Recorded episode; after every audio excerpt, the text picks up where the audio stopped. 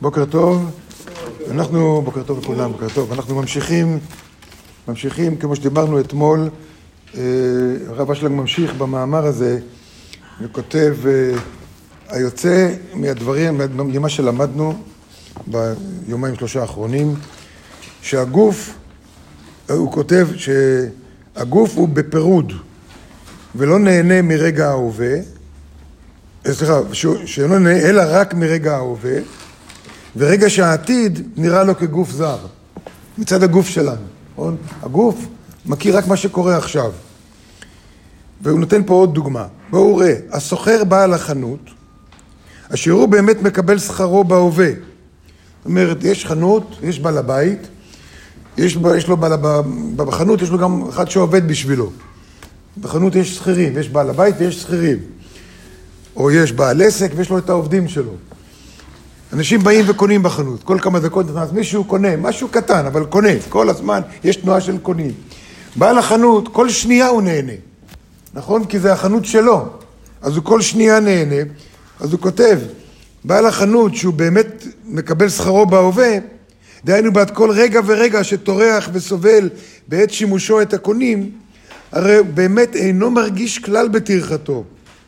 אלא אדרבה, שש ושמח על כל כסף, נכנס מישהו קונה זה וזה, טיק, נכנסו עשרה שקלים, זה, נכנס בזה, נכנס הכסף. כל רגע הוא שמח, טינג, הקופה מצלצלת, פינג, נכנס כסף, נכון? לעומת זה הוא אומר, לעומת זה הוא אומר, אז הוא אומר, כן, אלא אדרבה, בעל הבית שש ושמח בשעת הפדיון, והיגיעה הכרוכה עם הפריון נעקרת ממנו משורשה. נכון? נכון, הוא כל הזמן משרת את הקונים, כל הזמן משרת... הוא לא מרגיש שזו עבודה קשה, כי כל רגע הוא שומע את הצליל של הקופה, טראח, נכנס עוד כסף, וזה עוד כסף. ואינו דומה לפועל שלו, לשכיר שלו, שמקבל את שכרו בערב. רק בערב, במקרה הטוב, כן, רק בסוף היום, נניח הוא פועל יומי, אז רק בערב הוא יקבל. במהלך כל היום, הוא כותב, הוא בעצר, בעצב בשעת עבודתו במהלך כל היום. הוא סובל, זה קשה, זה קשה, זה קשה. נכון, הוא חושב על הערב כל הזמן, אבל במהלך היום הוא מרגיש קושי בעבודה שלו. וזה גם אנחנו אותו דבר. גם אנחנו אותו דבר.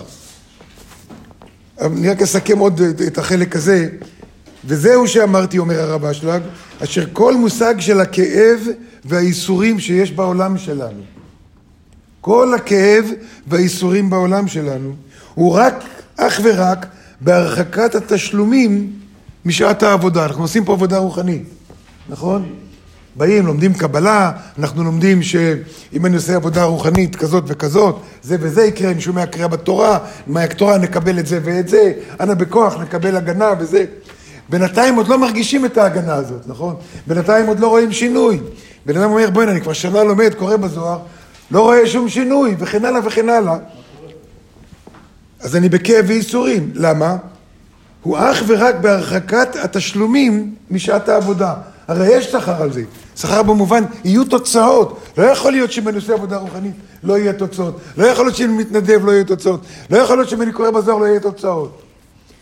אבל כרגע כואב לי. כרגע, עכשיו כואב לי. אה, הכאב יעבור והשכר והפריצת דרך תהיה ולא אומרים לך גם מתי. ואלה הפועל, הוא יודע, בסוף בערב הוא יקבל את השכר, או בסוף החודש הוא יקבל את השכר שלו. אנחנו אפילו לא יודעים מתי נקבל את השכר. זה הולך ונהיה קשה. אז המרחק הזה, המרחק יוצר את הכאב הזה. ופה אנחנו צריכים לשאול את עצמנו, כשאנחנו עושים עבודה רוחנית, האם אני בעל הבית? האם אני בעל החנות? אני הפועל? זאת השאלה שכל אחד צריך לדעת. אני קורא בזוהר, או אני מתנדב בשביל הסנטר, אני נותן צדקה לסנטר, נכון? האם אני שכיר של הסנטר? אז בזה אני אקבל את השכר, וזה וזה. אם אני בא לבית, אם אני מבין שאני עושה את כל העבודה הרוחנית בשבילי, לא בשביל אף אחד אחר, אני מתפלל זה בשבילי, לא לבורא, לא למלאכים, לא לחברים שלי, לא שמישהו יגיד לי איזה יופי, באת למניין, כל הכבוד. אני עושה את זה בשבילי. אם אני בעל הבית, בעל הבית תמיד שמח. נכון? נכנסים, קונים. אני עושה את הדברים הנכונים, אני עושה את התקשורת הנכונה, או שאני פועל. אני עובד בשביל הרב, אני עובד בשביל זה, או שאני עובד בשביל הקדוש ברוך הוא. נכון? אז אם אני פועל, ברור שאני כל הזמן ארגיש רע, וזה, וככה. לכן כשאני עושה עבודה רוחנית ואני עוד לא רואה תוצאות, הוא אומר, איך זה יכול להיות? אני קורא בזוהר ואני זה וזה. ורק, אה, אני זוכר שהתחלתי, רק התחלתי ללמד, בשנה הראשונה שלימדתי ארבע פעמים הייתי מעורב בתאונה, בלי, עם, עם הרכב שלי. רק נזק זה לרכוש וזה, תמיד זה עלה לי השתתפות עצמית וכל הדברים האלה. פעם אחרי פעם, בשנה הראשונה. ולא הבנתי אני, פה עכשיו נכנסתי לעבוד בסנטר, נהייתי עכשיו מורה, אני עוד יותר, זה לא רק מתנדב ורק זה. איך יכול להיות? נכון. למה? אני, המודעות שלי הייתה מודעות של פועל. ברגע שזה עבוד שלי, ואני מרגיש שאני עושה את זה בשבילי, זה כמו אחד הולך על דיאטה, כי הוא רוצה להיות יותר בריא. אז מה, הוא עכשיו יגיד לכולם, תנו לי משכורת על זה?